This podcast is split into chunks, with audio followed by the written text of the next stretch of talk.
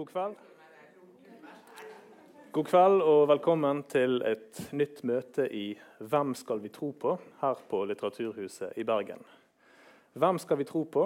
er en møteserie som blir arrangert av forskningsprosjektet Strafferettens fortellinger ved Universitetet i Bergen. Og som tar opp spørsmål rundt fortellingers troverdighet i norske straffesaker. Kveldens møte skal handle om bevisvurderingen og rettsprosessen i saken mot de to mennene som ble domfelt for å ha drept to små jenter i Baneheia i Kristiansand i år 2000.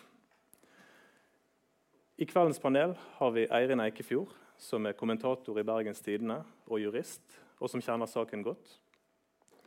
Halvard Sivertsen er pensjonert overingeniør fra Telenor. Og han har skrevet en rapport om dekningsforholdene for mobiltelefon i Baneheia i år 2000.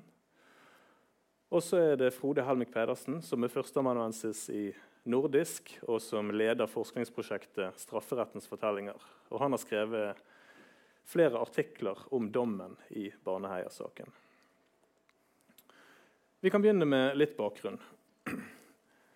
Fredag 19. mai i år 2000 forsvant Lena Sløgedal Paulsen og Stine Sofie Sørstrønen etter en badetur i turområdet Baneheia. Sjokket var stort da de to jentene ble funnet drept og misbrukt to dager senere. De var skjult i terrenget på en måte som gjorde det vanskelig å finne dem. To lokale gutter kom raskt i politiets søkelys. Den 19 år gamle Jan Helge Andersen og 21 år gamle Viggo Kristiansen. Kristiansen var kjent for politiet fra før i forbindelse med en grov kikkersak noen år tidligere. Og Politiet gikk tidlig ut og signaliserte at de hadde tatt de riktige gjerningsmennene. Kristiansen hevdet at han ikke hadde noe med saken å gjøre. Andersen nektet òg. Men fire måneder etter forbrytelsen så innrømmet Jan Helge Andersen drap og voldtekt. Først da han ble konfrontert med et DNA-bevis som med sikkerhet knyttet ham til den ene av jentene. Og dette, dette var starten på påtalemyndigheten sine to viktigste bevis. Det var DNA-profilen, som viste at Andersen hadde vært på åstedet, og som òg indikerte at det hadde vært en gjerningsmann nummer to til stede. Det andre hovedbeviset var Andersens forklaring om at Viggo Kristiansen var den hovedskyldige. Andersen hevdet at Kristiansen hadde vært pådriver og hadde truet ham til å begå ugjerningene.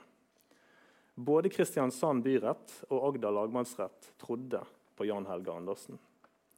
Så Viggo Kristiansen ble domfelt i to rettsinstanser for voldtekt og drap på den ene av jentene og for medvirkning til voldtekt og drap på den andre.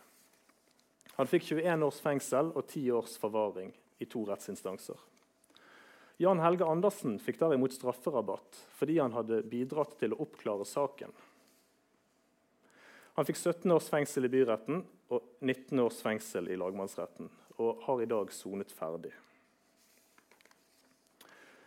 Da dommen ble avsagt i Agder lagmannsrett i 2002, var det få som tvilte på at de skyldige var tatt.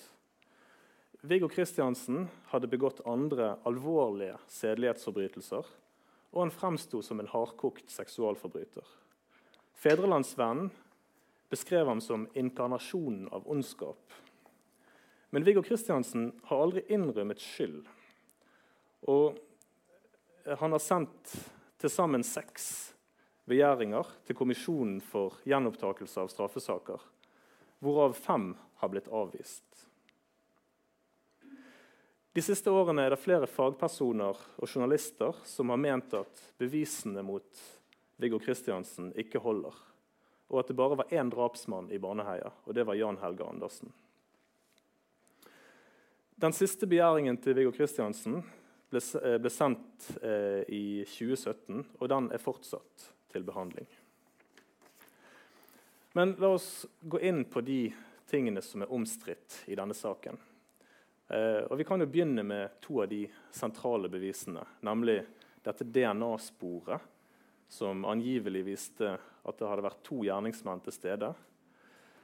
Og Jan Helge Andersen sin forklaring om hva som skjedde. Frode Helming Pedersen, du kjenner eh, denne delen av saken godt. Hvordan var det DNA-beviset ble vurdert i henholdsvis 2001 og 2002? Uh, ja, de, Det ble vurdert uh, likt i de uh, to rettsinstansene. det ble kort sagt brukt til å si at her har det vært to gjerningsmenn i saken. Man hadde full profil på Jan Helge Andersen. og så hadde man noen del noen alleller og litt sånn forskjellig, delprofiler som eh, ikke ga eh, en eh, tilknytning til Viggo Kristiansen, men som var en annen enn Jan Helge Andersen. Altså som ikke passet med Jan Helge Andersen.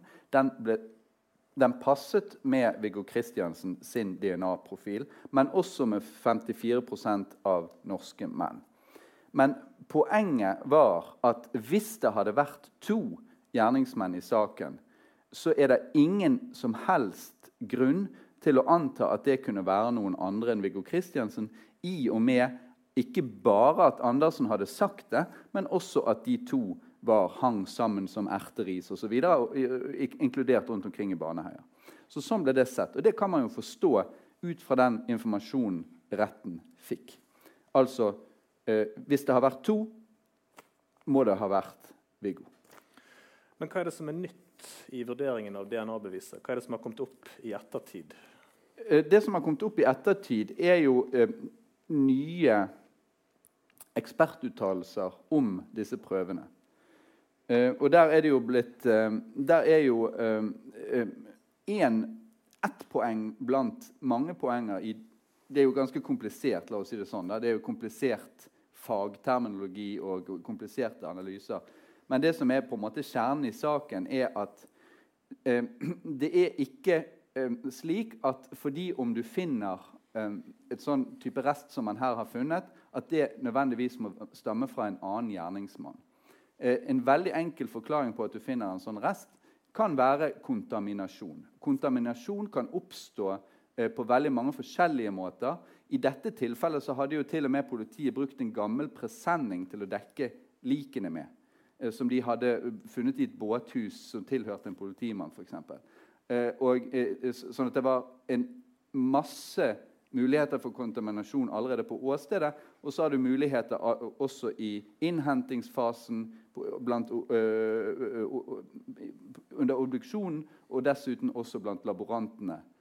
Sånn at det som, det som aldri kom frem overfor retten, det var jo muligheten for at dette kunne stamme fra eh, en person som ikke hadde noe med saken å gjøre. Og så har jo det også vært hevdet at det ikke nødvendigvis i det hele tatt stammer fra en person. Fordi at det er så lite, eh, det resultatet. Ja. Man, kan, eh, man, kan, nok si i dag at det som ble lagt frem i retten eh, både i 2001 og 2002, i dag er dokumentert ugyldig. Det fant der aldri eksistert noe DNA-bevis for at det var to gjerningsmenn. Det er to eh, velrenommerte firmaer eh, har gått igjennom disse rapportene som, som de spanske rettsmedisinerne kom med i 2000. Og uh, I disse rapportene blir det kun fremhevet som en mulighet. Det er mulig at det kan være DNA fra to forskjellige personer i, i prøver fra den ene jenten. Og Det er jo noe helt annet enn et bevis. Men det er ingen tvil om at det, det ble fremlagt i retten som et bevis på at det hadde vært to gjerningsmenn, og det må jo ha veid tungt i eh, bevisvurderingen for retten. Og det følger jo av dette at eh, Andersen ble trodd eh, bl.a. fordi at uh, det var, det var DNA som tydet på at det hadde vært to i, på åstedet. Men hvilke andre ting ved Jan Helge Andersen sin forklaring var det som ble, ble, tillagt troverdighet i, av retten? spør du meg? Ja. altså Situasjonen var jo den at politiet, eh, da de arresterte Jan Helge Andersen og Viggo Kristiansen, så hadde de i og for seg ingenting på Viggo Kristiansen, men de hadde noe på Jan Helge Andersen. Eh, men av, så ut fra liksom helt objektive kriterier så skulle man faktisk ikke tro at uh, de ble, begge skulle arresteres på det bevisgrunnlaget som da forelå. Uh, sånn at Forklaringen på det sånn som jeg kan forstå, er at politiet har bestemt seg for at det må være begge to. Uh, og Det som er interessant der, er jo at under det første avhøret med Jan Helge Andersen, før han i det hele tatt er begynt å snakke, så gis han muligheten for å slippe å være det monsteret som hele Norge ventet på skulle bli tatt. Nemlig fordi avhører sier kanskje du også var et slags offer i saken. Kanskje det var Viggo Kristiansen. Han nevner til og med navn som, eh, som eh, eh ledet deg ut i dette, og eh, som var hovedmannen. Det er jo en klassisk, det er jo det man i dag ville kalt kontaminasjon av avhør. Altså at du eh, ødelegger muligheten for å få riktig informasjon fordi at du planter informasjon i den du avhører. Så det er det som har skjedd. Sånn at jeg tror at den største grunnen til at politiet fant Andersen troverdig, var at de ville finne han troverdig. De hadde et ønske om det fordi at de var kommet på det sporet etterforskningsmessig. Det er det som gjerne kalles for 'confirmation bias' i psykologien, eller tunnelsyn eventuelt. Det tror jeg. Vi kan komme litt nærmere inn på dette etter hvert. Eh, men det var et annet bevis som ble tillagt eh, eller som ble diskutert eh, i retten, i, og som dreide seg om eh, Viggo Kristiansen sin mobiltelefon. Eh, Halvard Sivertsen, du har satt deg inn i alt dette som har med dekningsforhold i Baneheia å gjøre i år 2000. kan du fortelle litt om hva det var du fant ut da du gjorde undersøkelser? Ja, altså Mobilbeviset var jo i utgangspunktet ikke tillagt noen vekt i det hele tatt i uh, saken. Um, politiet hadde um, utskrifter fra Viggo Kristiansens mobiltelefon som viste at han hadde sendt to tekstmeldinger i løpet av det tidsrommet da voldtektene uh, voldtekten og drapene hadde skjedd. Noe som jo eh, formodentlig må ha forundret dem. De, de hadde man, altså de, han hadde sendt eh, to kjærlighetserklæringer til en venninne i løpet av disse eh, tiden drapene ble begått. Og eh, Man vet jo ikke hva som foregår inni hodet på folk som er i stand til å begå den type forbrytelser.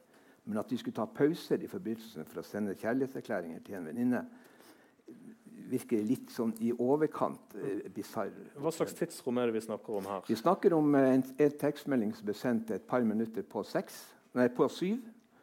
Altså umiddelbart før eh, jentene forlot uh, badeplassen. Og en tekstmelding som ble sendt klokken syv minutter over halv åtte.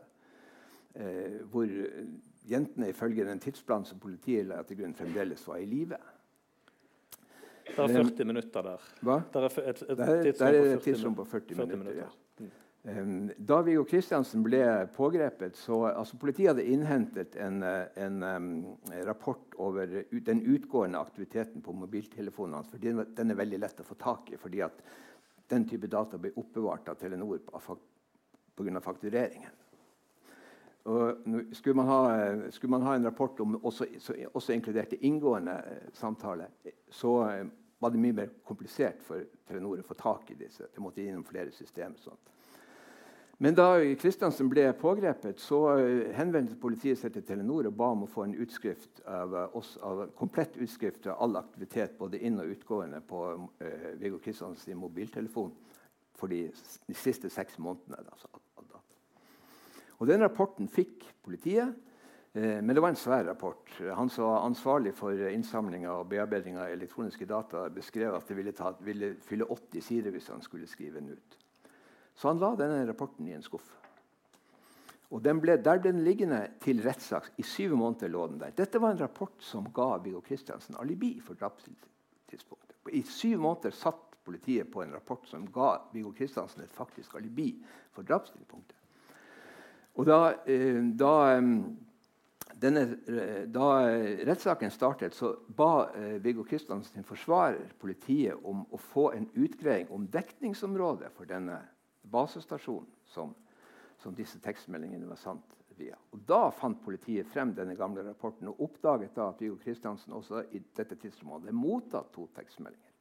Og Den ene av dem var klokka eh, 16.24, nei, 18.24. Altså eh, 13 minutter før da han sendte en tekstmelding. 1924 må det være. 1924. Ja, ja. Um, eh, og, og, og da fikk de fra um, eh, en, en skriftlig redegjørelse om dekningsområdet for denne uh, basestasjonen EGA, som alle, meldingene, alle disse fire meldingene hadde gått over denne basestasjonen. Uh, og, um, men den var ikke presis nok når det gjaldt hvor langt inn i Basestasjonen er oppi her, sant? Ja. Basestasjonen ligger oppi der, ja. Ja. Dette, Den, den går ned hit. det, det dette området. kartet viser det dekningsområdet som Telenor beregnet. Åstedet er altså her. Ja, man måtte vært innenfor det dekningsområdet som, for at um, det skulle være mulig å kommunisere via EGA. Så det, det førte da til at uh, politiet kontaktet Telenor og ba dem om å gjennomføre målinger. For, dette var mens rettssaken pågikk. En uke ut i rettssaken. Så mens rettssaken pågikk, så var det altså eh, Telenor og foretok målinger i, eh, eh, i, i Baneheia. De hadde med seg to politifolk. Eh, Storaker den første dagen og Olav, eh, nei, Geir Olav Hansen den andre dagen. Og de kom da frem til dette kartet her som viste dekningsområdet. Kun innenfor dette dekningsområdet er det mulig å kommunisere via EGA. Og det viser at disse røde og blå strekene på dette kartet det er den ruten som eh, Viggo Kristiansen og Jan Helge Andersen gikk ifølge Jan Helge Andersen sin forklaring. Dette kartet ble tegnet inn på et, denne ruten ble tegnet inn på et orienteringskart eh, etter Jan Helge Andersen sine anvisninger. Og de viser jo at umiddelbart omtrent etter at de forlot området ved Svartjøen I de neste to timene skulle de befunnet seg i dette området her rundt, rundt eh, åstedet og den plassen der de angivelig lette etter eh, eh, teltplass. I disse to timene så var det ikke mulig å kommunisere med EGA. Og dette, dette, er sikkert. altså Det er Ja. sånn, det er ikke noe problemer med at uh, det er andre basestasjoner som kan slå inn Jo, jo, det er masse basestasjoner. Det er ikke noe problem å kommunisere fra dette området. her. Det er seks andre basestasjoner. Så det var glimrende dekning. Men det var ikke mulig å kommunisere via EGA. EGA har aldri tenkt å skulle dekke det området. her. Jeg har satt opp for å dekke området jeg, og så området nordover langs Otra, langs riksveien. Så dette slo jo da ned som en bombe i, på rettssakens siste dag. Alt var ferdig. Var, eh, aktor skulle med sin prosedyre, og Telenor skulle bare komme og legge frem resultatene av målingene. Og da la de da frem et resultat som viste at det var ikke mulig å kommunisere via EGA. Tilsynelatende så er dette et eh, krystallklart bevis. eh, altså et, eh, et utelukkelsesbevis. Og det som er ufattelig bittert å tenke på i denne saken, er at Viggo Kristiansen nå har sittet 19 år. Han har sittet 19 år uskyldig dømt pga. en idiotisk polititabbe. For hvis politiet hadde undersøkt denne datafilen de fikk fra Telenor da de fikk den i september 2000 Hvis de da hadde sjekket eh, eh, dekningsområdet for denne eh, basestasjonen, så ville de funnet ut allerede da at eh, Viggo Kristiansen hadde et faktisk alibi. Og hvis de hadde gjort det, så ville det aldri blitt reist noen sak mot Viggo Kristiansen. Det fins ingen statsadvokat som ville ha, ha reist en tiltale mot en person som hadde et så klart alibi. Det, viser at, eller det indikerer i hvert fall at mobiltelefonen hans ikke var på åstedet. Eh, men man kan jo tenke seg at eh, andre har hatt mobiltelefonen hans. Da kan det være andre forklaringer på at den eh, ikke har slått inn på basestasjonen E- EGA. Viggo Kristiansen gikk alltid med mobiltelefonen på seg. Og tanken om at han skulle fått en eller annen kamerat til å bruke mobiltelefonen for å skaffe han et alibi, den, en, den er aldri blitt lansert av politiet. Den er aldri blitt etterforsket. Det er en helt absurd teori. Men hva- var det retten sa til dette mobilbeviset? da? Skrev de noe om det, eller ja. eh, tok de stilling til det i det hele tatt? Absolutt. I byrettsdommen blir det grundig eh, eh, diskutert. Eh, men retten hadde et problem. Tilsynelatende hadde retten to beviser som motsa hverandre. For eh, Den rettsmedisinsk sakkyndige hadde lagt frem et bevis som viste at det helt sikkert 100% sikkert var to gjerningsmenn. Og eh, som du ganske riktig påpekte, altså, det var umulig å tenke seg at det skulle befinne seg en eller annen ukjent tredjeperson som hadde vært der sammen med Viggo Kristiansen. I tillegg så hadde man jo Jan Hallig Andersen sin forklaring. Så på den ene siden så hadde man et eh, bevis, tilsynelatende bevis som helt sikkert plasserte Viggo på åstedet. Og på den andre side hadde han et bevis som helt sikkert plasserte han utenfor åstedet. Så retten diskuterer da retten diskuterer mobilbeviset. og som du har gjort ganske grundig rede for i din artikkel om, eh, om uh, domsfortellingens plausibilitet. De kommer med en rekke teorier om på hvilken måte Viggo Kristiansen kanskje kan ha gått i skytteltrafikk mellom åstedet og Svartkjønn, uh, som gjør at han kanskje kan ha begått drapene likevel. Man kan ikke, i hvert fall ikke utelukke det. Og, og, når det gjelder vurderingen av de to bevisene DNA-beviset på den ene side, som den rettsmedisinske sakkyndige la frem, og, og, og, det mobilbeviset som dekningsdirektøren i Telenor la frem, så har nok retten vurdert det sånn at DNA-beviset må være betraktet som det sikreste beviset i denne saken. Telenor la frem Dekningsdirektøren i Telenor Amundsen var veldig forsiktig i sine uttalelser. Han sa det var lite sannsynlig at det kunne kommunisert via EGA. Så han ble nok tolket som atskillig mer forsiktig enn det egentlig var dekning for i beviset. Mens Bente Mevåg, eh, som la frem et DNA-bevis som i dag er dokumentert ugyldig, hun ble trodd på at dette var et absolutt sikkert bevis på at det hadde vært to. Så retten diskuterte det. Absolutt. Vi hører altså at det er i ettertid kommet frem opplysninger som tilsier at, der, eh, at to sentrale bevis burde ha blitt vurdert på en annen måte. Altså både DNA-beviset og det såkalte mobilbeviset eh, viser seg altså å være eh, beheftet med en viss usikkerhet. Eh, dette reiser jo spørsmål eh, om hvorfor da Gjenopptakelseskommisjonen har avslått begjæringene fra Viggo Kristiansen fem ganger. Hva er det som skal til for å gjenåpne en straffesak? Eirin Eikefjord? Utgangspunktet er jo at det skal mye til. Man vil jo gjerne skape ro om rettskraftige dommer. Så det er jo ikke enkelt å få dette til. Og det viser jo både Baneheia-saken, der man er på sin uh, sjette runde, vel. Uh, og Treholt-saken og Fredrik Fasting Torgersen. Og det er ganske mange gjenganger i Gjenopptakelseskommisjonen som stadig prøver. Og i Baneheia-saken har man jo anført alt som er mulig å anføre for gjenopptakelseskommisjonen. Straffbare handlinger hos politiet, inhabilitet hos dommere. Altså De har eh, kommet trekkende med en hypotese om en sånn gjerningsmannsprofil. Sånn, hvis dommen ikke stemmer overens med en hypotese, da er det altså um, Men det, det, skal jo være mulig, og det er jo saker som gjennomtas hele tiden. De mest kjente er jo sånn Liland og Fritz Moen. Men de mest spektakulære blir jo ofte ikke. Mens helt alminnelige saker står jo på disse listene uten at de får så veldig mye oppmerksomhet. Men eh, det mest sentrale vilkåret er at det skal være nye bevis som synes egnet til å føre til frifinnelse. Eh, så, så, vilkårene her er jo for, for, det første at beviset skal være nytt. Og Problemet for Viggo Kristiansen her er jo at de bevisene som er de mest sentrale og omdiskuterte, altså mobilbeviset og DNA-sporet, de har vært behandla i retten to ganger allerede. Men så er det sånn at nye analyser av tidligere bevismateriale, der du f.eks. For har eh, forbedra teknikk eller mer moderne måter å se på dem på, det kan være å anse som nye bevis.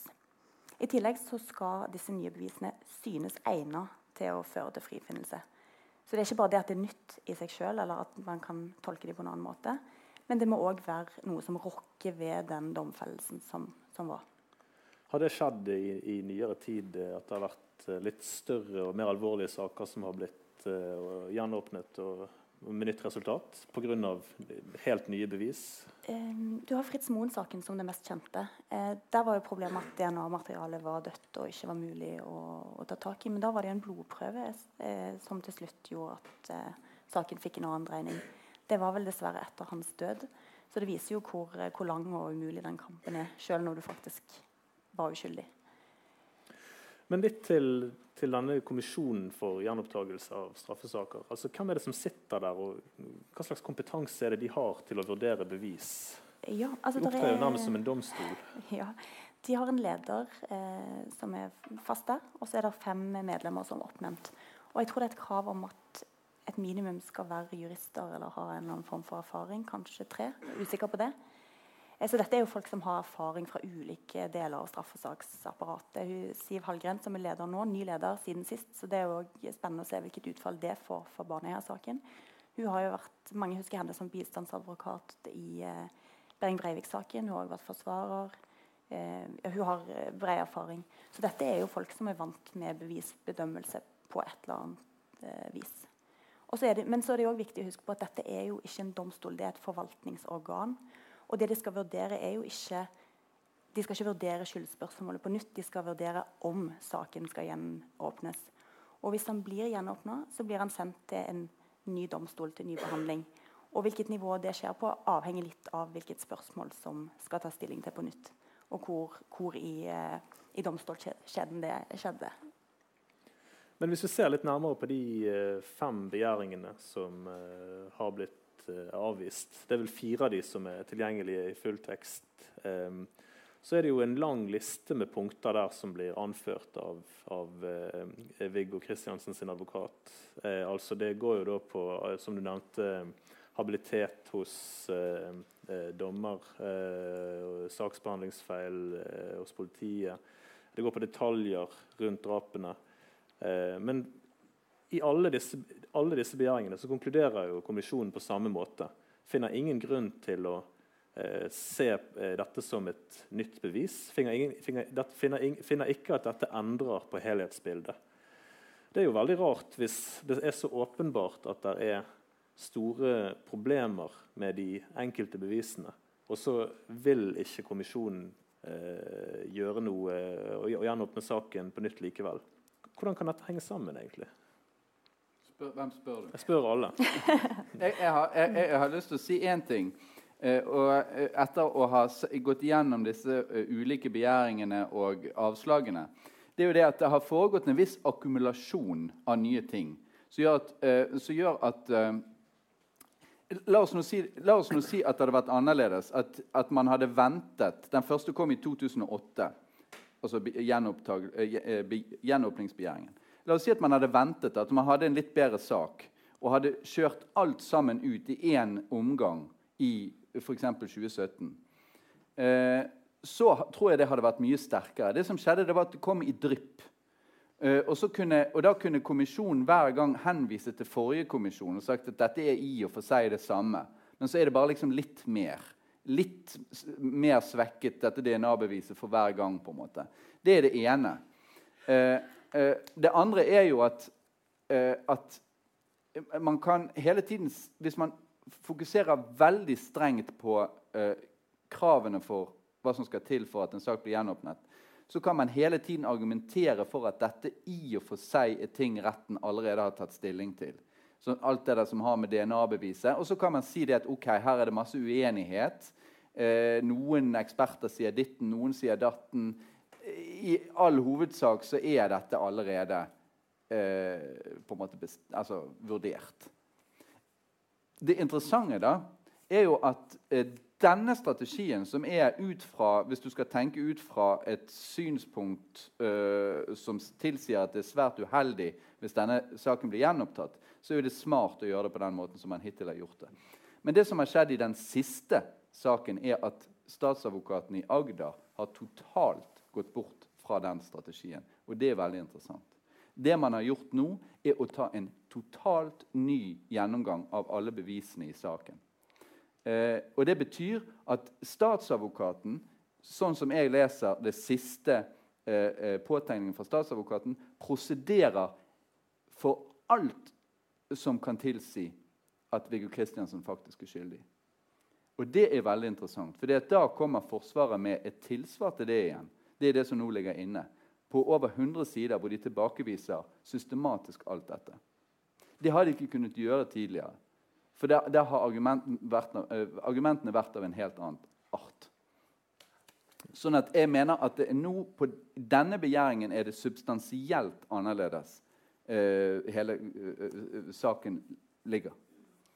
Det var svært interessant å få denne påtegnelsen fra statsadvokaten. fordi at det er første gang i løpet av disse 90 årene at det faktisk finnes en samlet fremstilling fra eh, påtalemyndighetens side om denne saken. Jeg etterlyste lenge og prøvd å få en samlet fremstilling, og nå finnes den. Og eh, vi brukte ganske riktig 100 sider på å, å tilbakevise det. Ja, Du har vært involvert Ja, ja, ja. i Forsvaret? Absolutt. Jeg er med i en gruppe som jobber for Viggo Kristiansen sin sak. Og jeg, jeg, er jo, da, jeg ble jo etter hvert overbevist om at, han, at det faktisk er et justismord. At en faktisk en helt uskyldig mann har sittet 19 år i fengsel. Hvilken holdning hadde du til å begynne med da du først ble engasjert i denne saken? Som, hvordan ble du engasjert i saken? I utgangspunktet så var jeg, reagerte jeg på denne saken som sikkert alle, at, at uh, denne saken var så rar. Fordi at de arresterte to eh, gutter for det her, og den ene tilsto å ha begått det ene drapet. Men han nektet for å ha hatt noe med de seksuelle overgrepene å gjøre. Og i utgangspunktet, Hvorfor skulle han da begått drap? Jeg har jo liksom alltid trodd at disse stakkars jentene ble drept for å, for å skjule eh, de seksuelle overgrepene, voldtektene. Eh, og da det kom frem at han hevdet at han eh, hadde spilt, vært helt passiv og, eh, og ikke hadde spilt noen rolle, men var blitt truet på livet til å begå- drap, så virket det som en enda mer usannsynlig en enda mer usannsynlig eh. Så jeg ble liksom interessert. Det var noe rart med denne saken. her. Men så skjedde jo den, eh, politiet holdt jo en pressekonferanse eh, den 26. oktober år 2000 hvor de kunne fortelle at det nå var funnet DNA som med 100 sikkerhet knyttet også Viggo Kristiansen til ugjerningene. Og da skjønte jeg jo at ok, da, da må han jo skylde likevel. Da. Ehm, og det, og det delte jeg formodentlig med hele den samlede norske befolkning. Det var, det var ingen som kunne forestille seg at det som politiet fortalte på denne pressekonferansen, faktisk ikke var sant. Det forelå ikke noe DNA-bevis som på noen måte knyttet Viggo Kristiansen til ugjerningene. Sannsynligvis var dette en, eh, en eh, taktikk, taktisk utspill fra politiet for å få Viggo Kristiansen til å tilstå. Men altså, det er null substans i det, det som politiet fortalte på denne pressekonferansen. Men klart, inntil alle trodde jo da at Viggo Kristiansen virkelig var et skikkelig eh, monster. Eh, de fort, på, den samme presse, pressekonferansen så ble det jo lagt frem fortalte politiet at han også var siktet for voldtekt mot en syv år gammel jente og en fem år gammel gutt. Og politiet fortalte at de nå foretok undersøkelser i miljøet for å finne hvilke andre barn han hadde voldtatt i løpet av disse årene. Så det var på denne pressekonferansen at monsteret Viggo Kristiansen ble skapt. Så du kan si at Da rettssaken startet, så visste jo alle at han var skyldig. Det var ingen, ingen tvil om at han var skyldig. Alle dommerne, aktor, forsvarer Ikke forsvarer, naturligvis, men alle som fulgte rettssak, visste jo det at altså Det var ikke noe spenningsmoment i saken om Viggo Kristiansen var skyldig. Spenningsmomentet først, kom først da politiet, nei, da Telenor la frem sin rapport. Da ble jeg interessert, for dette er jo mitt fagområde. Dekningsproblematikk kjenner jeg veldig godt til. Jeg har jobbet med kringkasting i 20 år og vet utmerket godt hva- et dekningsområde er.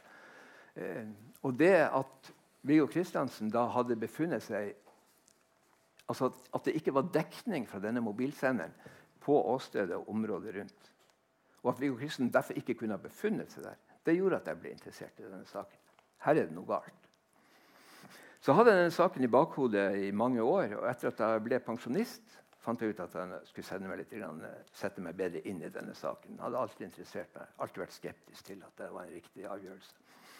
Skrev, da, da jeg leste i avisen at uh, noen eh, forskere ved Universitetet i Bergen planla å skrive en bok om Baneheia-saken, så skrev jeg ned et lite notat om mobilbeviset som jeg sendte til dem. Og de sendte det videre til advokat Sjødin, som er Viggo Kristiansen advokat.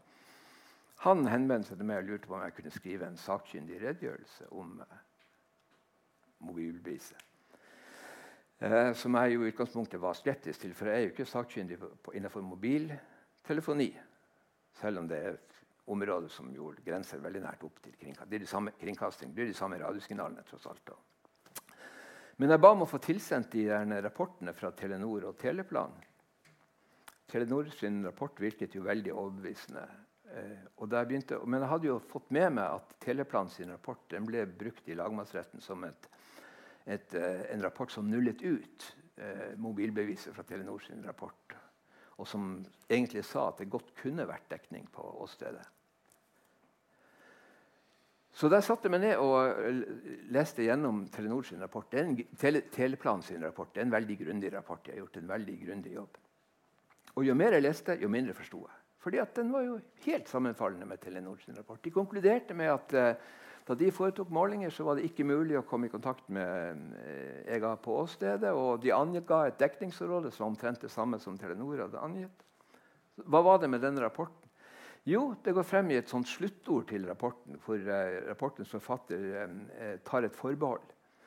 Og Forbeholdet er at det han har funnet ut i løpet av sin rapport, det gjelder bare for den perioden da han gjorde disse undersøkelsene, altså 15 måneder etter drapene. Men eh, han har for lite informasjon til å kunne si noe sikkert om hvordan eh, forholdene var på drapskvelden. Så Derfor så konkluderer rapporten med at han ikke kan si om det var eller ikke var eh, dekning på åstedet på drapskvelden. Men da han foretok sine undersøkelser, var det ikke dekning. Og det virket som et uh, veldig tynt grunnlag. Men jeg, så gikk jeg gjennom de argumentene som Teleplan sin rapport bruker for å, liksom, for å begrunne usikkerheten, og fant ut at samtlige argumenter er totalt irrelevant for spørsmålet om det var dekning eller ikke. Så um, det var en veldig tvilsom konklusjon på den rapporten. Men selv hoveddelen i denne rapporten den stemmer helt fullt ut overens med Telenors rapport. Det var ikke mulighet for dekning å kommunisere med EGA fra Åstil da han gjorde sine undersøkelser. Um, men la oss nå se litt på um, saksgangen. Altså, la oss nå bare anta at uh, Gjenopptakelseskommisjonen kommer til et annet resultat enn de tidligere kommisjonene har gjort. Så blir saken gjenopp, uh, gjenåpnet og ført for lagmannsretten på nytt. Uh, er det mulig 20 år etter at uh, drapene ble begått? Er det mulig å ha en ny rettsbehandling? Mange av bevisene har blitt destruert. Vitner kan ha blitt påvirket, kan ha glemt. Denne saken er man jo faktisk i en ganske heldig situasjon i så måte, fordi at man har fortsatt DNA-bevis altså som, som, nå faktisk blir analysert eh, i regi av eh, Gjenopptakelseskommisjonen enda en gang til. Og man har jo alle disse mobilbevisene. Og de står jo. Og, det, og så eh, sammenholder man det med Jan Helge Andersen sin forklaring, som tidligere rettsinstanser satte påfallende stor lite. Eh, så i denne saken er man i hvert fall der at en har beviser å vurdere. Man har vitner som lever. Det er tross alt ikke så lenge siden. Så jeg tenker jo at hvis det er noen sak som går an å behandle på nytt, så er det i hvert fall denne. Men... eh, jeg kan ikke tenke meg til at det kommer til å bli noen ny behandling av denne saken. For hvis kommisjonen går inn for gjenopptakelse, så kommer statsadvokaten til å innstille på frifinning for, uh, frifinnelse for Viggo Kristensen. Jeg kan ikke forestille meg at statsadvokaten ønsker å kjøre en ny sak hvor han vil prosedere på Viggo Kristiansens skyld. Så Sannsynligvis blir det en veldig kort uh, sak i lagmannsretten hvor statsadvokaten frafaller tiltalen, og hvor uh, forsvareren sier seg enig, og så blir Viggo Kristiansen frifunnet. Men da er det jo en ny prosess som må åpnes. fordi at Jan Helge Andersen er jo frifunnet for det ene drapet. Og, hvis, og, den, og, den, kan jo ikke bli stående, for da er vi i den saken at ingen er dømt for det ene av drapene. Så da må det innledes ny etterforskning mot Jan Helge Andersen. Og han må stilles til ansvar for det som han har gjort. Også for det andre drapet som han er frifunnet på. Så det blir en rettssak som må gjennomføres. Men nå er det jo ikke sånn det er jo ikke sånn foreløpig da at statsadvokaten har kastet kortene. Det kunne jo i og for seg statsadvokaten allerede ha gjort. Eh, de har tvert imot eh, tviholdt på eh, Forsvaret for at domfellelsen var korrekt. Sant? Og de har alle slags nye argumenter. Det som, som jeg nevnte i, i um, sted, var at tidligere så har man jo fokusert nettopp på disse momentene som begjæringene har fokusert på, nemlig DNA. Eh, som, som, diskrediteres, og mobilbeviset som eh, krediteres. av denne sagt. Eh, mens nå så har jo de da gått igjennom alt mulig. Og Eh, det er jo vel, mens, mens, de har brukt veldig liten tid på eh, mobilbevis og DNA-bevis. De har egentlig bare henvist til tidligere eh, vurderinger av det. Eh, og Det interessante er jo at statsadvokaten nå for bruker veldig mye tid på det som foregikk i dette området her kl rundt klokken seks på drapskvelden. Eh, og det De gjør da, det er at de prøver å påvise eller de påviser noen uoverensstemmelser i Viggo Kristiansens tidligere forklaringer, altså da han kun var vitne i saken. Og så sier de at dette er det bare mulig å forklare ut fra en tese om at han prøvde å konstruere et alibi. Hele den der argumentasjonen der er veldig interessant synes jeg, å lese. For det, det de sier, det er at, altså at eh, eh Viggo Kristiansen har sagt at han møtte Jan Helge Andersen her ca. klokken seks på drapskvelden. Så viser det seg altså at han har vært her inn med sykkel og så tilbake igjen. Dette er på et tidspunkt som statsadvokaten kaller for det kritiske tidspunktet for drapene. Det, men, men i, i, realiteten er det altså en time før, mens jentene fremdeles er hos sine fedre nede her på Grim. Eh, jeg syns det er veldig interessant at statsadvokaten da mener at er, den eneste forklaringen på dette er et konstruert alibi. Eh, tenk på hva som er situasjonen her. I hele sommeren 2000 så er begge to, begge guttene avhørt. Begge guttene sier helt konsistent at de skilte lag herfra eh, om, om, lag klokken seks, fem over seks. Eh, da, da, Andersen sier at Viggo Kristiansen syklet hjem, mens han selv tok en joggetur alene inn i Baneheia-området rett før drapene skal ha funnet sted. Eh, og Hvordan statsadvokaten mener at dette kan være et fornuftig måte å konstruere alibi på, det skjønner jeg virkelig ikke med min beste vilje. Eh, eh, det der med at de skal ha konstruert alibi, det kommer frem etter arrestasjonen i september 2000. Da begynner Jan Helge Andersen å snakke om at de hadde avtalt å konstruere et alibi. Men det fins ingen spor av den avtalen i avhørene som har skjedd før arrestasjonen. Tvert imot finnes det veldig mye som tyder på at for det første at de ikke har samkjørt eh, godt nok forklaringene sine. For de oppgir eh, ulikt tidspunkt for når de møttes eh, her ved Viggo Kristiansen sin bopel etter at drapene hadde funnet sted. Eh, det, det, gjør de da rett etter de liksom skal ha, ha eh, avtalt et alibi. Eh, og pluss at alibiet jo faktisk ikke er til stede i og med at de ikke kan gjøre rede for hverandres bevegelser i, om, i drap, rundt drapstidspunktet.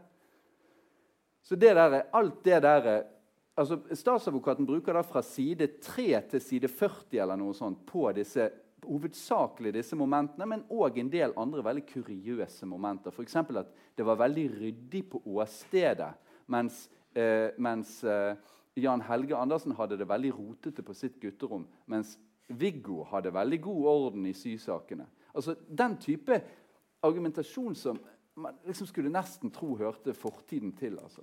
Den, det er liksom sånne ting som er kommet frem nå. Eh, og der er en del andre. For gjør de veldig stort nummer av at de to guttene ikke var med på leteaksjonen etter de to jentene, og at det er et tegn på at de var skyldige. Hvilket jo i så fall ville gjøre hoved... Altså majoriteten av folk som bodde i området, til mistenkte. I og med at det tross alt ikke var alle som var med på den. Ja. Så jeg syns, jeg syns, rett og slett at det er veldig påfallende. Og for første gang er jeg hele tiden ment, i motsetning til Sivertsen, så har jeg hele tiden ment at sjansene for gjennomklagelse var ganske små. Men dette er første gangen jeg, jeg tenker at de er, er, betydelig styrket. Det er interessant hva um, Jan Helge Andersen sier i sine forklaringer om eh, det de to guttene gjorde for å skaffe seg alibi. I den første forklaringen han forteller jo detaljert hvordan drapene foregikk, og det de gjorde for å skjule likene. Og alt det der, og så, og så forteller han at de forlot, de for, da de forlot åstedet eh, sammen Det merker da på det kartet hvor det står 'guttene skilte lag' her. Der. Han forteller at de forlot åstedet, og da skilte de lag. Det var Viggo Kristiansen som foreslo at de skulle skifte lag skille lag. Og han gikk liksom oppover til høyre den stien der og forsvant. Så han vet Jan Helge Andersen vet ikke hvor det ble han. Mens Jan Helge Andersen spaserte hjem langs en meget godt beferdet sti inn og hjem til uh, Viggo Kristiansen. Og Jan Helge Andersen fortalte at um, de la da en slagplan. De, de, planla at Viggo Kristiansen skulle skynde seg hjem. Han skulle skynde seg bort til, uh, til parkeringsplassen hvor uh, hvor sykkelen hans sto. Og så skulle han skynde seg hjem. Og så skulle han eh, gå inn i, låse seg inn i bua si, og så skulle han ta på seg arbeidsstøy. Og så skulle han gå opp til foreldrene og fortelle foreldrene sine, eller få dem til å tro at han hadde tilbrakt disse to timene i bua si, arbeidsboden sin, der han pleide å tilbringe tid. Altså, klokka, var, klokka var nå ifølge Jan Helge Andersen sin forklaring litt over åtte. Og de to hadde tilbrakt to timer sammen i Baneheia fra klokka seks til klokka åtte. Hvor de hadde da begått en grusom forbrytelse som ville få den, den aller verste konsekvens for dem selv hvis den ble oppdaget. Han forteller at de planla at Viggo Kristiansen skulle skynde seg hjem og gå inn til foreldrene og etablere et alibi. Han hadde vært i arbeidsboden sin hele tiden. Så skulle Jan Helge Andersen, når Viggo Kristiansen var kommet hjem og hadde fått etablert alibiet sitt, så skulle han komme og ringe på for å gi seg til kjenne og fortelle at han hadde tilbrakt disse to timene alene i Baneheia. Det skulle være hans alibi. Det er jo helt hinsides absurd. Og så må man spørre, Hvorfor i all verden forteller ikke Jan Helge Andersen at de to ble enige om å si at, fortelle at de hadde tilbrakt tida på betryggende avstand fra åstedet, f.eks. hjemme i arbeidsboden til Kristiansen eller et annet sted? Det ville det være naturlig å fortelle. Og Grunnen til at jeg forteller det, er at han hadde ikke noe valg. For det var en kjensgjerning at Viggo Kristiansen var hjemme hos foreldrene sine da, vi, da, Jan Helge Andersen kom og ringte på. Det har foreldrene hans bekreftet. og Det har også Jan Helge Andersen bekreftet i, av, i tidligere avhør. Han var ikke i bua. Vi, uh, Jan Helge Andersen hadde ikke noen mulighet for å fortelle at de hadde avtalt noe sånt. Han måtte tilpasse forklaringen sin til de faktiske forholdene. Og de faktiske forholdene var at Viggo Kristiansen befant seg inne, inne, i huset til foreldrene da, Viggo, da Jan Helge Andersen kom hjem til han etter drapene. Men altså der er dere hevder at Kristiansen eh, er dømt på indisier, og at, uh, at, det mangler et fellende bevis. men det er vel bare indisier som frikjenner han.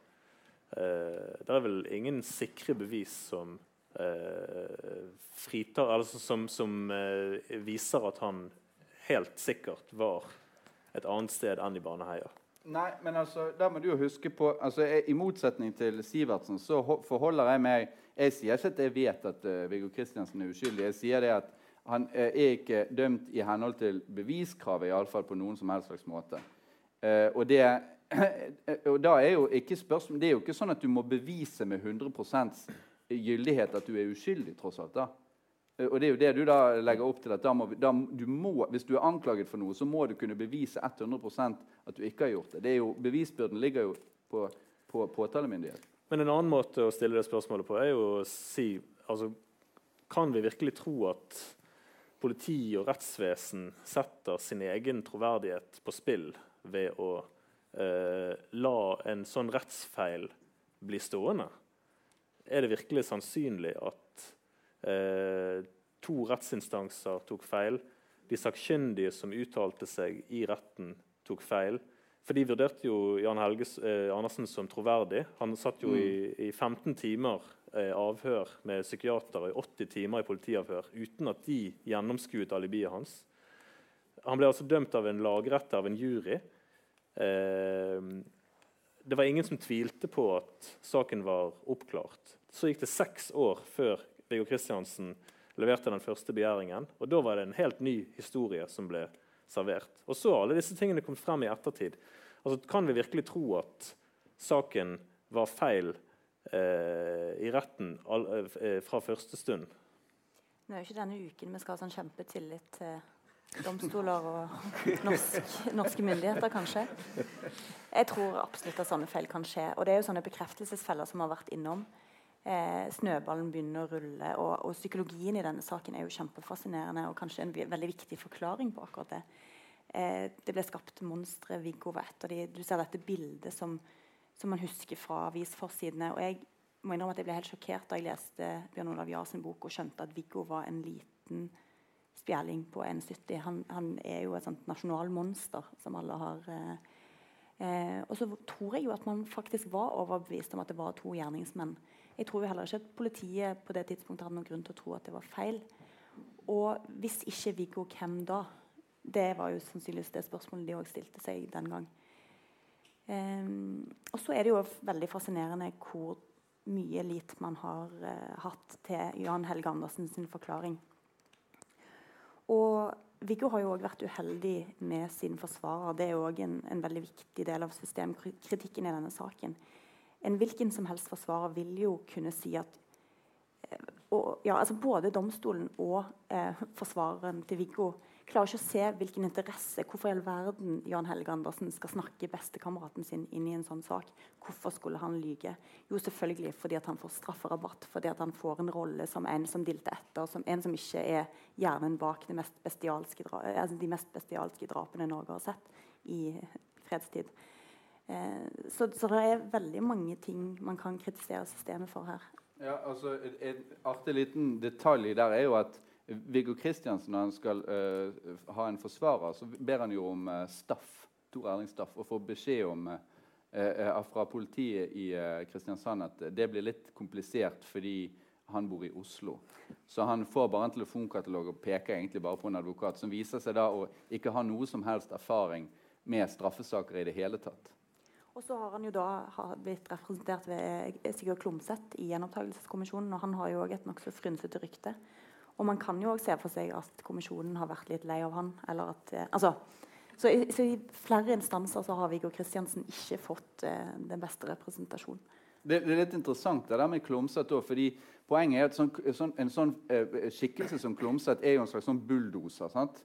Som, bare, som er uvøren og valser inn, og som kanskje ikke nyter den største respekt for eh, nøyaktighet. og den type ting. Samtidig så var eh, den saken sånn som den sto da han begynte med, å forberede dette, så var det, jeg tror ikke det var veldig mange som hadde veldig lyst til å fronte at Viggo Kristiansen var uskyldig. Så du trengte kanskje en sånn fyr som Klomsæt for å få dette i gang. Ja, ja absolutt. Det er jo ja. som tar disse sakene, ja. jf. Ja. Fritz Moen, der uh, han er, Tore Sandberg var en primus motor. Ja. Uh, så Jeg tror ikke det er riktig å si at Viggo Kristiansen ble dømt på indisier. Han ble dømt på noe som retten oppfattet som veldig substantielt bevis. Han ble dømt på, på um, um, DNA-beviset som retten vurderte som et helt sikkert bevis fordi den rettsmedisinske sakkyndige hadde gått god for det. Um, hele behandlingen av uh, DNA-beviset i retten er en rettsskandale. Um, uh, uh, Chris Hadcliffe, som er sjef for den britiske rettsmedisinske kommisjonen, um, forklarte seg i, Bergen, nei, i, Oslo tingrett i forbindelse med den saken som eh, Viggo Kristiansen og Klomsæt hadde anlagt mot kommisjonen for å få omstøtt eh, avgjørelsen deres. De vant naturligvis ikke frem, men saken var nyttig fordi det kom frem veldig mye informasjon om denne. Han forklarte at det som skjedde i norsk rett, var helt utenkelig at det ville kunne skjedd i britisk rett. Og det som var utenkelig, var at en norsk eh, sakkyndig som selv ikke hadde foretatt undersøkelsene, ble satt til, for, satt til, å forklare seg om de funnene som de spanske rettsmedisinerne hadde gjort. Det ville aldri blitt akseptert i, norsk, i, i en, eh, i en britisk rett.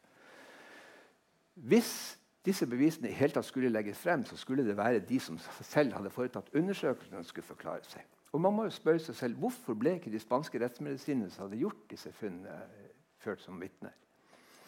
Eh, det, det, kan man jo ikke ha noe eh, godt svar på, men man vet hva konsekvensen hadde blitt hvis de hadde blitt ført som vitner. De ville lagt DNA-beviset dødt.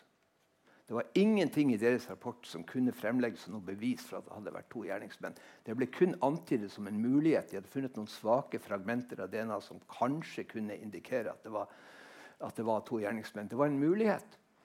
Det er det eneste som står i den rapporten. Men det var også en mulighet at det kunne være opptil fem gjerningsmenn ja. fra samme rapporten som da kom frem. Det var jo en del av den rapporten som kom frem i ettertid. Det er jo en sånn ting som jeg umiddelbart ville tenkt var et nytt bevis. da, for å ta det med gjenopptakelse. Hvis du plutselig kan si her er rapporten, her står det to gjerningsmenn ut fra eh, en av disse arkene, mens ut fra det andre her så ser du at det kunne vært fem.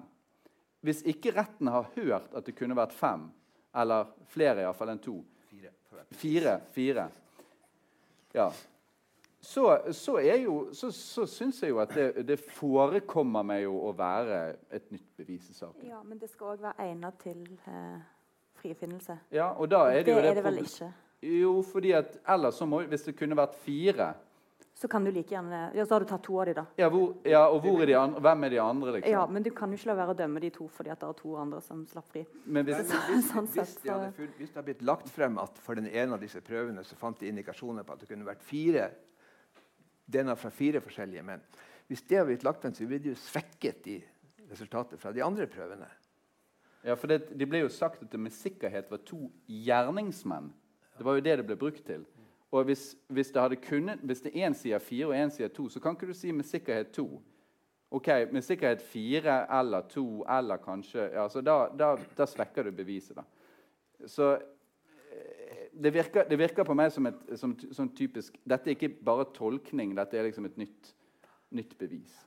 De britiske rettsmedisinske uh, sakkyndige som vitnet, uh, Susan Pope og Chris Hadkiff, de, um, etter å ha gjennomgått uh, rapportene fra de spanske rettsmedisinene, så konkluderte, de med at disse funnene var altfor svake til at de ville blitt lagt frem gjennom britisk rett. Altså, svak, Fragmenter av DNA gir egentlig ingen informasjon i det hele tatt. fordi det er umulig å si hvor de stammer fra. Så lenge, ikke, så lenge man ikke har en komplett DNA-profil, men bare fragmenter. De kan jo meget vel stamme fra uh, forurensning. I Norge har vi et veldig godt eksempel på det i Orderud-saken. I Orderud-saken ble det funnet um, blodspor på et av glasskårene som lå der en rute i, døren var blitt knust. Eh, og dette blodsporet ble da undersøkt ved Rettsmedisinsk institutt, eh, og man slo fast at blodet stammet fra et av ofrene. Så det ble da uinteressant. Men i dette sporet fant man også DNA fra en annen mann. Som ikke var noen av de fire tiltalte. Og det ble sjekket opp mot alle politifolk alle som hadde hatt noe med saken å gjøre. I laboratoriet ikke, denne DNA-profilen stemte ikke overens med noen av dem. Så da meldte jo spørsmålet seg kan dette være en ukjent person som faktisk har vært der. En gjerningsmann som ikke er noen av de fire tiltalte. Og Dette spørsmålet hang i luften en par dager inntil det viste seg man fant eh, hvem dette DNA-sporet stammet fra. Dette, dette DNA-sporet stammet fra en prøve fra en annen sak som var til behandling i Rettsmedisinsk institutt. Det stammet fra en mann som var mistenkt i en annen sak. Og DNA denne DNA-profilen hadde smittet over fra den ene prøven til den andre. Så lett smitter DNA. Og Hvis man har, bare har et fragment av DNA, det kan stamme hvor som helst fra. Så de, de, de, de bevisene som ble lagt frem i, i begge rettsinstansene, DNA-bevisene, har ingen som helst beviskraft. Ingen tyngde i det hele tatt. Null. Altså Susan Pope karakteriserte det som 'next to nothing'. Det er i hvert fall ikke noe bevis. Vi kan jo kanskje nevne Espen, at vi har prøvd å finne noen som ville, som ville argumentere for at Kristiansen var skyldig. Bare sånn at det er sagt. da. Det viste, ja. det viste seg vanskelig. Vi har sendt forespørsler til eh, eh, veldig mange ulike eh, både jurister og andre. Journalister og folk som ikke fulgte saken. Men eh, det er ingen av de som ønsker å stille opp offentlig til debatt om dette så langt.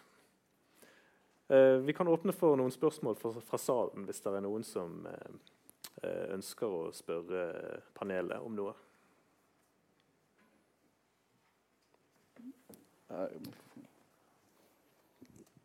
Ja.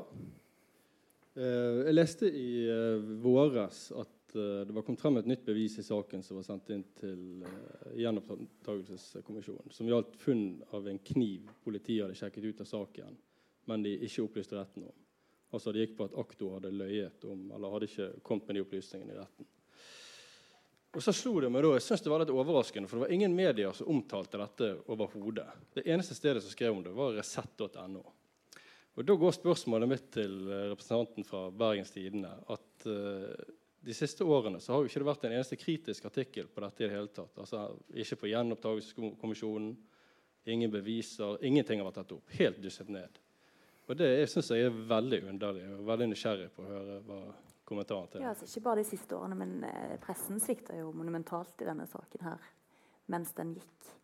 Eh, og det var jo Og har i veldig stor grad ansvar for denne demoniseringen av Viggo Kristiansen. Eh, men eh, at, det, at, man ikke skriver om et, et bevis som politiet har lagt vekk, og som ble sjekket ut av saken, det er vel kanskje altså, Det er mange bevis. Det kan være DNA, det kan være mm. nye funn i mobil. altså Det er jo så mye nytt der. Mm. Men ingenting er beskrevet om. altså Det virker på meg nesten sånn, det er farlig å begynne å konspirere, men at når alle mediene er samstemt, og ingenting av dette kommer opp til overflaten, så begynner man virkelig å lure. ja, Det er jo ikke helt sant at man ikke skriver om det. Disse gjenopptakelsesrapportene har jo blitt dekka ganske godt. Og det at det har blitt sendt inn DNA-spor til analyse fra, fra kommisjonen f.eks. Så man følger nok det som skjer der. Men så lenge det ikke er så mye nytt som, som skjer, da. Så, men eh, ja, det er vanskelig å Ja, nei, ta ansvar for hele Medie-Norge. En liten kommentar. Altså, det, det har jo stått eh, en del eh, ting på trykk i eh, ulike medier etter hvert som denne snøballen begynte å rulle eh, sånn rundt 2007 og sånn. Eh, og eh, der var jo én journalist i Dagbladet som hele tiden var skeptisk, eh, nemlig Eivind Pedersen. Og han dekket saken kritisk i Dagbladet. Han fikk imidlertid beskjed om å ikke skrive mer om denne saken av sin redaktør. Og Grunnen til det at det var veldig lenge svært belastende faktisk å skrive eh, om dette med at Viggo Kristiansen muligens kunne være uskyldig. Eh, de ble jo fikk, de, de hadde jo sterke pressgrupper eh, fra de pårørendes side for eksempel, som, som anmeldte til Pressens faglige utvalg. og sånn. Du fikk ganske, ganske kraftig motbør for å skrive om dette rundt sånn 2008. Så han ble faktisk eh, tatt av saken. Jeg vil nok si at det kanskje ikke er så stor grunn til å altså Pressen sviktet ikke monumentalt da sakene pågikk. det vil jeg si. Nå har jeg gått igjennom veldig mye presserapporter. og det, de Pressen gjenga egentlig i, stor grad veldig presist det som faktisk ble sagt i retten.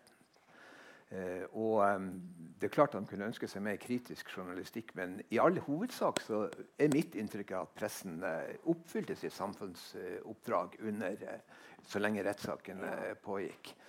Eh, kunne, altså det hadde jo vært en fordel om noen hadde vært mer kritisk.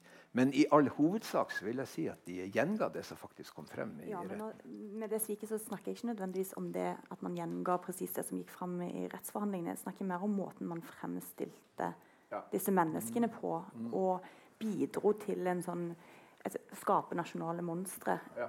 Og, og at man ble, men så, så kan det jo på den andre siden så ble jo også pressen fora med opplysninger fra politiet. Og særlig dette her med DNA. Eh, hvis man sier at det er to gjerningsmenn, så antar du at det er en riktig opplysning. Eh, så, så man må jo ha tillit til den informasjonen en får. Så at, ja, det er kanskje ikke så rart at en ikke gikk så veldig kritisk inn i det akkurat da. Skal vi høre om det er andre spørsmål?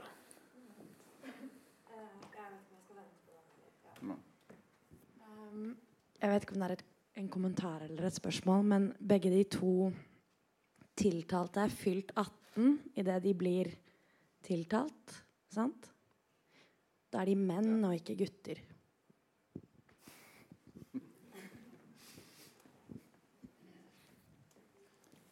Ja. Svært unge menn, da.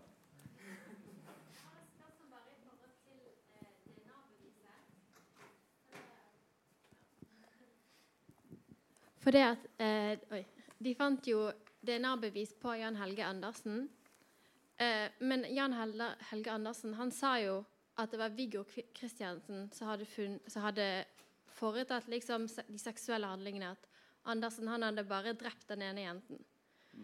Og ikke det er litt rart da at de fant, liksom at de fant faktisk DNA fra Andersen, men de fant ingenting fra Kristiansen. Og når det var han som faktisk hadde gjort de seksuelle handlingene, da, som liksom er noe av det som etterlater mest DNA-spor, da. Um, Du har helt rett. Det er veldig rart. Det er et veldig godt spørsmål, for det er nemlig veldig rart. Viggo Kristensen skal ha voldtatt begge disse jentene uten å etterlate seg DNA-spor i det hele tatt. Mens Uh, Jan Helge Andersen, som bare så vidt var borti uh, den ene av jentene etter å ha blitt truet på livet av Viggo Kristian, som han fortalte, han har, uh, han har etterlatt eh, DNA. Altså, saken ble oppklart i utgangspunktet ved at man fant et kjønnshår fra Jan Helge Andersen på åstedet. Her må man berømme politiet for det arbeidet de gjorde. De tok med seg to kvadratmeter av skogbunnen der hvor jentene ble drept. Og Så tok de det med til laboratoriet og så satt de der med lupe og pinsett og gikk igjennom alt for å se om det var funnet spor. Og Da hadde de holdt på med det her i tre måneder, så fant de et kjønnshår med hårrot, slik at det var mulig å DNA-type det. Og De sendte det inn, og da fikk de Da fikk de eh, treff på den personen som sto øverst på listen over mistenkte, og det var Jan Helge Andersen. Det har politiet bekreftet at allerede i midten av juli så sto Jan Helge Andersen øverst på listen over mistenkte. De hadde sirklet han inn på det tidspunktet, og to måneder senere fikk de det avgjørende beviset. Så det var utvilsomt godt politiarbeid. Er etter at eh de to eh, mennene, unge mennene ble pågrepet, at, eh, politi, at etterforskningen sviktet totalt. For da fokuserte man utelukkende på å prøve å finne et eller annet som kunne brukes som bevismateriale mot Viggo Kristiansen. Flere spørsmål? Disse her dekningsområdene de avhenger av meteorologiske forhold? Eh, I veldig liten grad. Eh, altså Meteorologiske forhold eh, kan spille en rolle på større avstander enn det her. Man har, har forskjellige brytningsforhold som gjør at forskjellige fuktighetsgrad grad av fuktighet i forskjellige luftlag kan føre til at, at signalene ikke går i rette linjer. Men de spiller veldig liten rolle på, over sånne korte avstander som det her. Det ble, dette blir drøftet i Teleplan sin rapport, og de avviser at meteorologiske forhold kan spille noen rolle for, deknings, for dekningsområdet. Uh, Hva med heng? Altså at mobil henger seg opp i en, i en base, og så beholder et dekningsområde selv etter du har gått ut av uh, ja, området. At mobilen ikke oppfører seg som en mobil skal oppføre seg. Og, altså En mobil kobler seg jo til den basestasjonen som har det beste signalet. Og eh, signalen, eh, Basestasjonene ligger sånn at, de, at, dekningsområdene overlapper hverandre, slik at man kan gå snakke i mobiltelefonen, og så kobler mobiltelefonen seg over på en annen basestasjon. Man merker ingenting så lenge det er dekning. Eh, heng vil jo da si at mobiltelefonen av en eller annen grunn ikke fungerer som den skal. Den blir hengende på den basestasjonen der den er, selv om man går ut av, eh, av eh, dekningsområdet. Og Der blir den hengende inntil man eventuelt går så langt ut at det ikke lenger er mulig å kommunisere. Da blir forbindelsen brutt. Så heng kan naturligvis ha, ha spilt en rolle her. Men altså hvor langt eh, er det mulig å, å man, kan, man, kan, tenke seg til at, uh, at Viggo Kristiansen kan ha vært koblet til uh, EGA. Så kan han gått et stykke, kanskje omtrent dit. eller noe sånt. At, men på et eller annet tidspunkt så vil han så vil, Hvis mobiltelefonen hang på denne basestasjonen og ikke koblet seg over som den skulle, så ville forbindelsen bli brutt lenge før de kom til åstedet. For det er både Teleplanen og Telenor sin rapport fullstendig enige om på åstedet og i om, området rundt, umiddelbart rundt åstedet er det overhodet ikke mulighet for å kommunisere via EGA. Her Så henger også en kommunikasjon. Det er ikke bare liksom en slags en eller annen slags eh, rest eller en eller annen slags uh... Nei, det vil si at mobiltelefonen ja. blir hengende på en basestasjon som egentlig har et veldig lavt signal, til tross for at det fins eh, ja, okay. baser i nærheten som har mye bedre signal. Men altså, den kan ikke henge lenger enn en eh, dekningsområdet dekker. Og det, det ultimate dekningsområdet for EGA altså Hvis alle andre basestasjoner i nærheten var skrudd av, det bare var EGA, så ville man nok kunne kommunisere med EGA et stykke utenfor dette dekningsområdet, men ikke på åstedet. Ja, de slo jo av uh, av de andre basestasjonene under målingene. så vidt jeg husker. Nei, det tror jeg ikke de gjorde. Og de gjorde ikke det? Nei, det tror jeg ikke var... De, begre... de beregnet teoretisk uh, det maksimale dekningsområdet ja. for, uh, for EGA. Men de fant ikke nødvendig å skru av de andre. Vi har tid til ett siste spørsmål.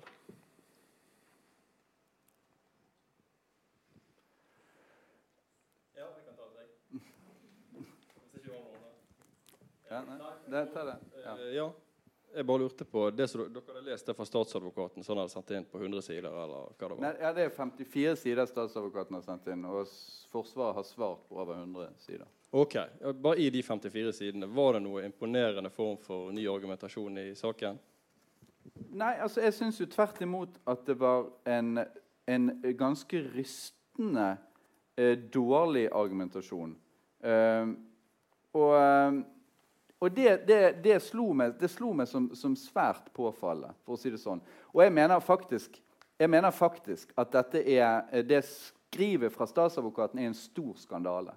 Jeg mener at du kan påvise direkte eh, feilaktig informasjon som må være bevisst. Man er fristet til å si bortimot løgner altså, i det brevet. Altså rett og slett misvisende fremstilling av sakens fakta. Det er f.eks. at at uh, uh, Altså, du, du, De skriver at Skal bare komme på det beste eksempelet i farten. Um, de skriver at, de skriver at dette med, uh, dette med uh, at Viggo hadde vært helt her inne allerede på, uh, på, på dagen for drapene, det skriver de at var noe som han innrømte etter å ha blitt konfrontert med et vitneutsagn fra en viss Jeg trenger ikke å nevne det navnet, da, men et, et vitne. Som var, uh, og, Så står det der at det gjør, han fordi at han tilfeldigvis har truffet på han fyren, og at han har sagt at jeg har faktisk sagt at jeg så det der inne i et tidligere avhør. Det stemmer ikke. Uh, vedkommende vitne hadde ikke sagt noen ting om dette her. eh, men, men, men, det er altså Viggo som tar dette opp uoppfordret fordi at han kom på det etter å ha snakket med det vitnet. Umiddelbart etter at han sier det, så rykker politiet ut og tar kontakt med det vitnet for å få det bekreftet. Da blir det bekreftet. Sånn at det fremstilles som om, dette, at, som om Viggo Kristiansen drives fra skanse til skanse, mens han egentlig her bare prøver å klare opp situasjonen. Sånn som i alle fall jeg leser det. Men fremstillingen er direkte feil. Det er interessant at akkurat dette vitnet, han ble et viktig, viktig vitne i rettssaken, han hadde observert um, Jan Helge Andersen og Viggo Kristiansen sammen. Eh, en, de satt på eh, et gjerde utenfor en eh, barnehage rett øst for denne parkeringsplassen ved, ved, ved Svartkjønn. Og det, han kjente dem litt fra før, for han hadde jobbet som leder på en ungdomsklubb hvor de to hadde vært godt da de var 14-15 år. Så han hadde truffet dem der og hadde pratet litt med dem. Um, um, han hadde da um, han hadde vært og jogget i Baneheia og, eh, og eh, var i den forbindelse blitt avhørt som vitne. Han fortalte hvilke observasjoner han hadde gjort som vitne. Uh, og han, det siste han forteller, er at da han kom inn på parkeringsplassen ved Svartkjønn, så observerte han en kvinne og hennes datter som var på vei inn i Baneheia. Derfra gikk han og traff disse to unge mennene. Viggo Kristiansen og Jan Helge Andersen, og pratet med dem. Han kjente dem litt fra før og pratet med dem i fem minutter før han gikk videre. Det nevnte han ikke i dette første vitneavhøret.